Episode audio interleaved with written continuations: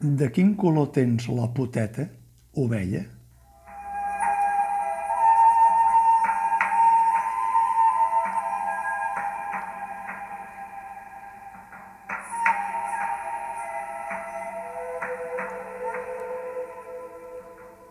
Cinc logopedes, dos homes i tres dones d'entre 25 i 28 anys, editors i autors d'uns llibres il·lustrats per infants xinesos, han estat arrestats a l'excolònia britànica de Hong Kong acusats de publicar contingut presumptament sediciós.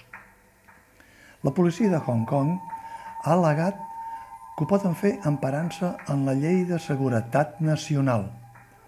Oi que en sona d'alguna cosa això de la llei de seguretat nacional? I adverteix que els cinc detinguts poden ser acusats de secessionistes, de subversius i de terroristes. Oi que tot continua sonant? Repetim-ho. Detinguts per publicar llibres il·lustrats per infants amb penes que, si són jutjats, poden arribar a empresonar-los a cadena perpètua. I de què van els llibres que són el cos del delicte? Doncs d'una faula metafòrica on un ramat d'ovelles representa els manifestants pro-democràtics, com els que s'han manifestat últimament a Hong Kong, que són reprimits per un ramat de llops, que representa la policia xinesa.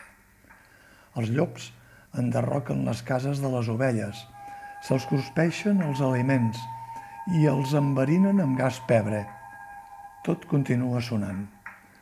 Les autoritats del règim dictatorial xinès de Pequín veuen en aquests contes moralistes dels editors logopedes de Hong Kong la intenció de promoure l'odi en els petits lectors i l'aversió cap al règim i la policia, a més d'incitar-los a la violència i a passar-se la llei pel folre. És la història de sempre i la de tots els països on els dirigents amb mà de ferro es vanten de ser els més democràtics i els més progressistes del planeta. És la història de la repressió que sobrevola tot el món. És la història de la pèrdua de llibertats que assetja els ciutadans del segle XXI. És la història d'uns sobre uns altres.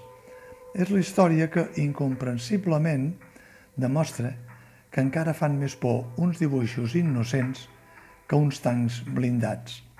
Mentrestant, la resta del món s'ho mira en silenci i es posa a fer una becaina mentre compta ovelles per mirar de caure en un son permanent.